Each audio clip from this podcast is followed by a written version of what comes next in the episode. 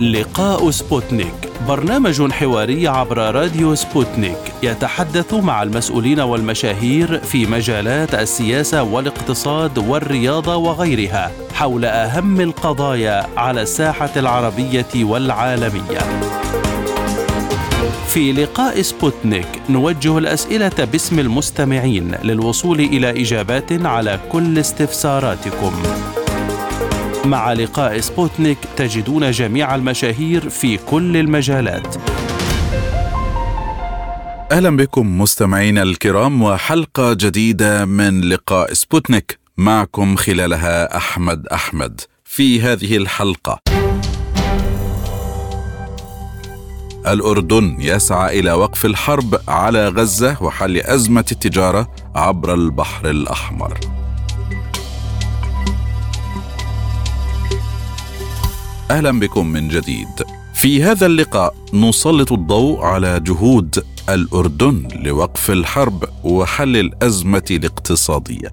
أزمة البحر الأحمر وباب المندب وتوقف الشحن وتغيير طريق السفن التجارية طالت الأردن ومصر مع توقف مرور السفن عبر الموانئ الأردنية وأيضا قناة السويس المصرية وهو ما دفع مصر والأردن لتفعيل خط بري يحاول تجنب بعض هذه الخسائر حيث أعلن المدير العام لشركة الجسر العربي الأردنية عدنان العبادله قبل عدة أسابيع عن تشغيل الخط العربي للنقل البري والبحري من ميناء العقبة الأردني والموانئ المصرية في البحر المتوسط كبديل عن البحر الأحمر ومضيق باب المندب.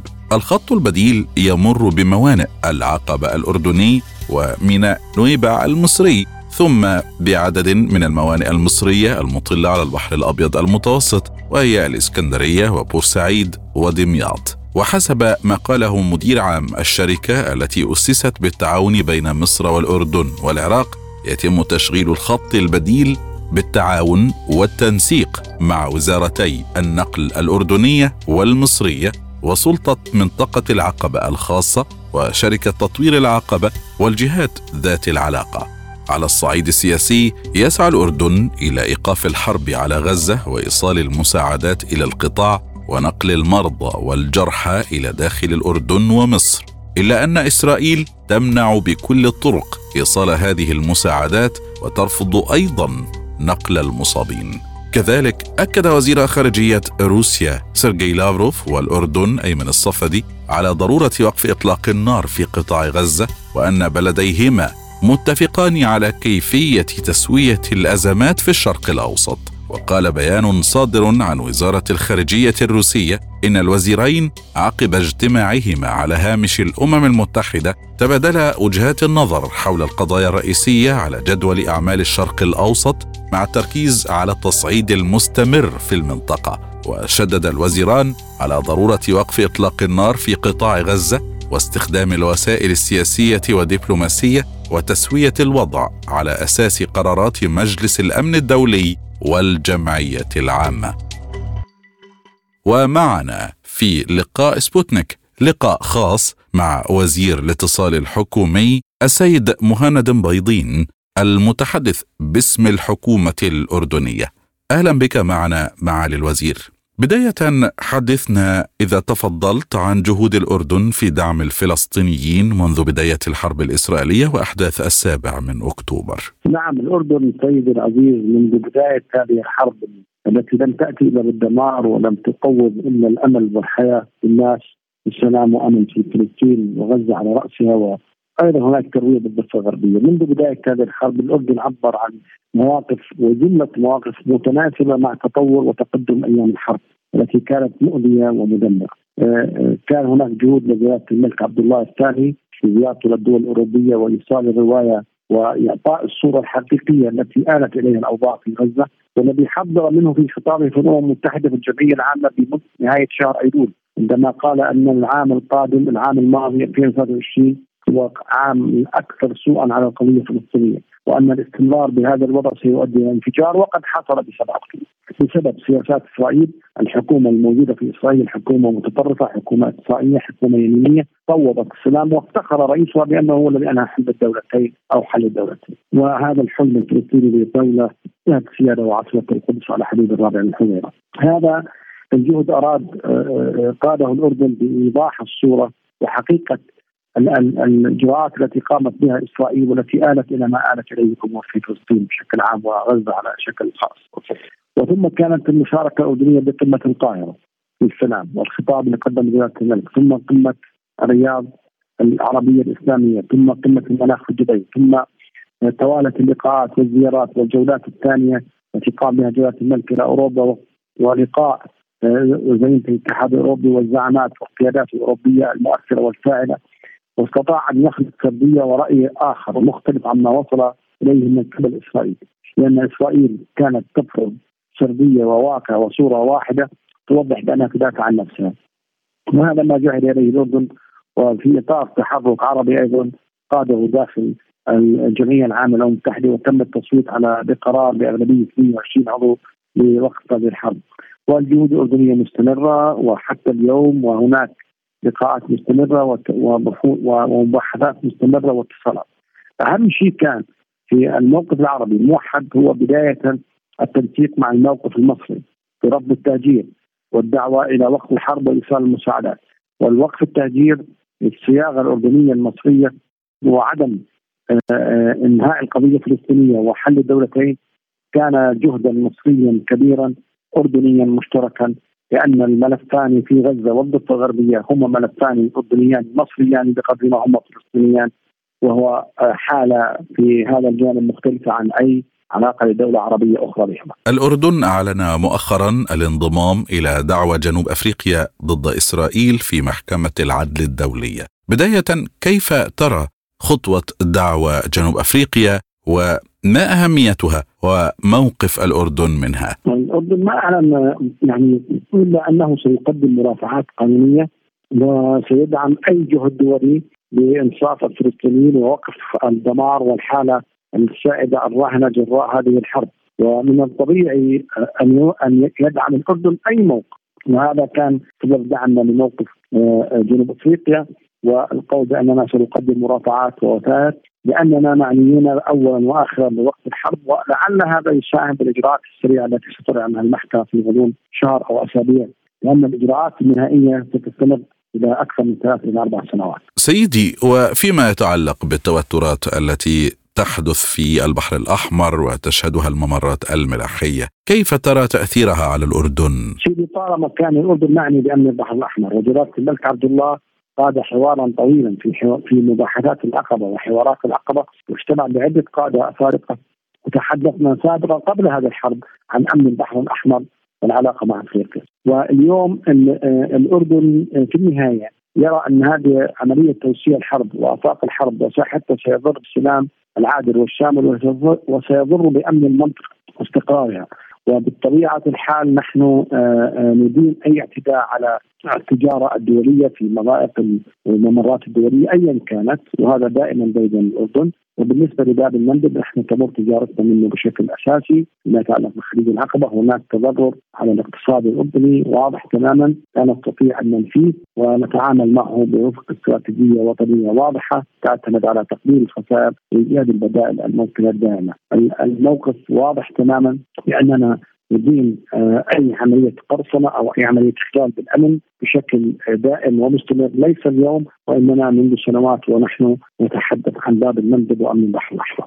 معالي الوزير حاول الإعلام الإسرائيلي منذ فترة الترويج لفكرة أن هنالك طريقا بريا ينقل البضائع إلى إسرائيل وسيكون بديلا عن قناة السويس وسوف يشارك فيه الأردن. كيف ترى مثل هذا الترويج أو هذه المحاولة للزج بالأردن في هذه الخطط وبهذه الطريقة؟ ما عندي أنا أي تفاصيل عن هذا الموضوع أو هذه مقولات كما قلت ترويج مقولات أو أو أوهام أو أحلام إسرائيلية بصراحة لا أستطيع أن عند الطريقة أنا تبقى في مستوى الحديث الغفل والذي آه، لا آه، يمكن أن نعلق عليه، نحن دولة نحترم مركزية مصر، نحترم دور مصر، نحترم مكانة مصر ونحترم أولويات مصر وامنها الوطني والقومي، كما أن مصر ذلك تبادل نفس الشعور، قناه السويس هي خط ملاحه دولي مهم وشريان مهم لاقتصاديات المنطقة ومصر بشكل أساسي. ولا نتحدث نحن اليوم عن أي مقولات واحلام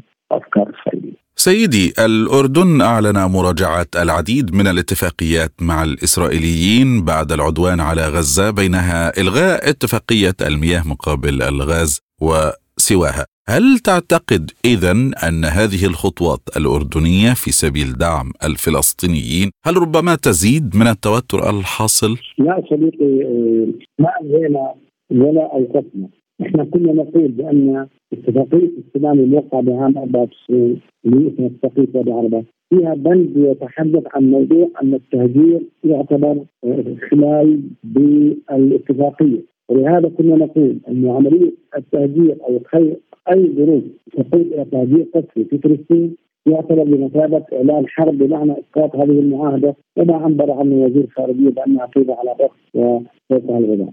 بالنسبة لاتفاقية الماء والطاقة إحنا هذه الاتفاقية كانت معروضه من أربع خمس سنوات لم تستكمل الدراسات الفنية كانوا كان متوقع أنها آه، تعرض بقمة المناخ في أبو ظبي لكن الأردن تريث فيها وقال أننا لا نستطيع أن نوقع مثل هذه الاتفاقية في ظل العنجهية التدميرية والدمار الذي تحدث إسرائيل في ظل هذه الحرب.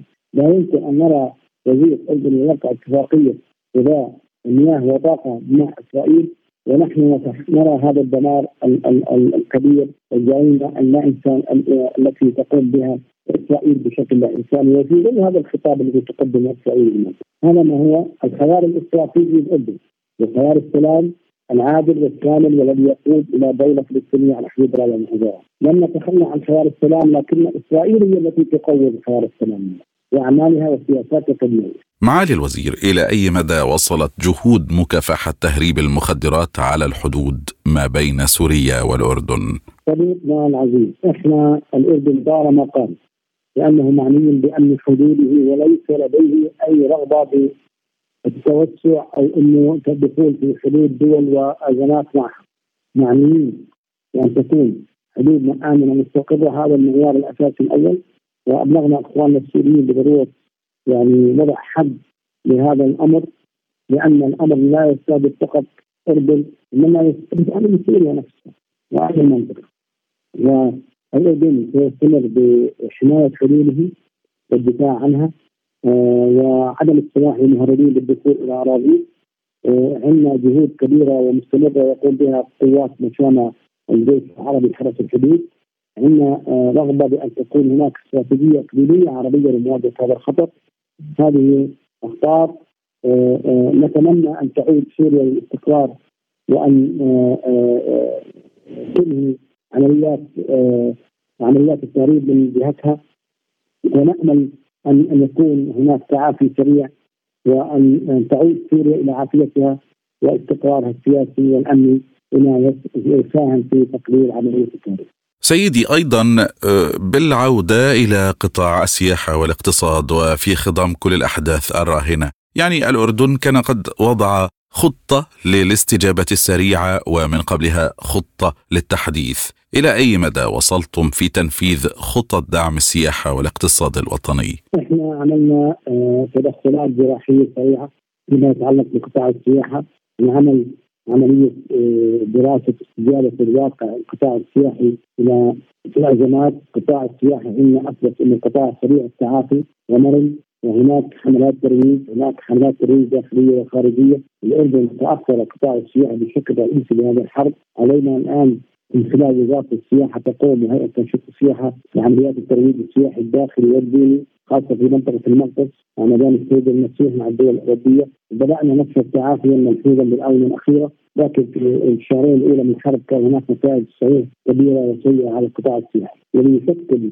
نسبة كبيرة للدخل القومي الأردني واللي كان قد تعافى قبل هذه الحرب بشكل مفترض ومزداد وبشكل واضح. نامل أن تعود المنطقة إلى عافيتها وأن تنتهي الحل الوحيد صديقنا هو إنهاء الحرب، إنهاء التوتر. حتى تعود المنطقة إلى السلام والعيش آه، باستقرار وتحقيق معدلات التنمية المنشودة في البلاد. معالي الوزير كانت إسرائيل قد ألمحت آه، بسبب المواقف الأردنية الداعمة للقضية الفلسطينية وتحدثت أكثر من مرة فيما يتعلق بالوصايه الهاشمية على المقدسات الدينية في مدينة القدس، يعني كيف ترى مثل هذه التلميحات في هذا الوقت مع ان هذه الوصايه كما هو معلوم هي حق أصيل للهاشميين. يعني إسرائيل الوصايه الهاشميه الإسرائيلية معترف فيها ومعتمده من قبل القمة العربية والقمة الإسلامية والإخوان الفلسطينيين. الاردن يعتبر القدس خط أحمر بالنسبة له والمقدسات الإسلامية والمسيحية فيها. تعبرنا عن ذلك بشكل واضح وصريح. لا نعتقد إن أن يكون هناك أي تفعيل بهذا الاتجاه، لكن هناك حملة استيطانية شرسة، هناك حكومة متطرفة، هذا ما يؤثر ولكن نحن نقوم بواجباتنا رعاية الاوقاف والدفاع عن مصالحها وأيضا إحنا ندرب العاملين بالأوقاف على استجابه عالية وتحمل الضغوط. إحنا ندفع الرواتب وندير عمليات نظام الاطفال والدفاع المدني هناك. هذه جهود اردنيه كبيرة. واسرائيل يعني كل يوم يطلع منها مبادرات آه، آه، تصعيديه سواء من المستوطنين سواء من الحكومة. وكما قلنا دائما مشكلتنا ليست مع إسرائيل محقق الوجود إنما مشكلتنا اليوم مع حكومة متطرفة تريد أن تبدد السلام وتحيل المنطقة إلى بث من الدماء. نعم، أيضا دشن الأردن مسارا بحريا جديدا بين ميناء العقبة الأردني ونويبع المصرية مؤخرا، كيف هي أهمية هذا الخط وهذا الجسر التجاري الجديد؟ هذا جزء من الاستجابه يا سيدي في موضوع النقل وفي موضوع تطوير الوصول الامدادات وسلاسل التوريد والإستجابة لعملية النقل الموجوده لأنه في بضائع تأتي برية عن طريق الطرق البرية من الاردن ودول الخليج ومن ثم الماء والعقبه فيما ونادى بالتالي اعتقد هذا جزء من الاستجابه لمواجهة التهديدات الموجودة في آه، باب المنطقة. ختاما سيدي كيف تقيمون العلاقات بين الدولة الأردنية وروسيا؟ الأردن في ملفات مشتركة كبيرة في علاقات عميقة في تفاهمات كبيرة كانت في الأردن مع القيادة الروسية بعد عام 2014 فيما يتعلق بالجنوب السوري وهذا دور مهم أدت روسيا لكن نتمنى أن تنتهي الأزمة الروسية الأوكرانية وفي سبيل تحقيق السلام وإنهاء الصراع العلاقات الاردنيه الروسيه علاقات مبنيه على احترام المتبادل وعلى آه أفاق من التعاون اللي كانت واضحة في عهد جلالة الملك عبد الله الثاني قياده الرئيس بوتين. آه، وهناك آه، تفاهم في كثير من القضايا المشتركة. والاردن روسيا بما يتعلق بموقفها من الحرب في غزة وسعيها مع الاردن إلى أن يكون هناك إنهاء سريع لهذه الحرب وإعادة الأمور إلى في ختام هذا الحوار نتقدم بجزيل الشكر والتقدير لمعالي وزير الاتصال الحكومي مهند بيضين المتحدث باسم الحكومة الأردنية. الشكر كذلك موصول لحضراتكم مستمعين الكرام. إلى لقاء جديد نترككم في أمان وسلام.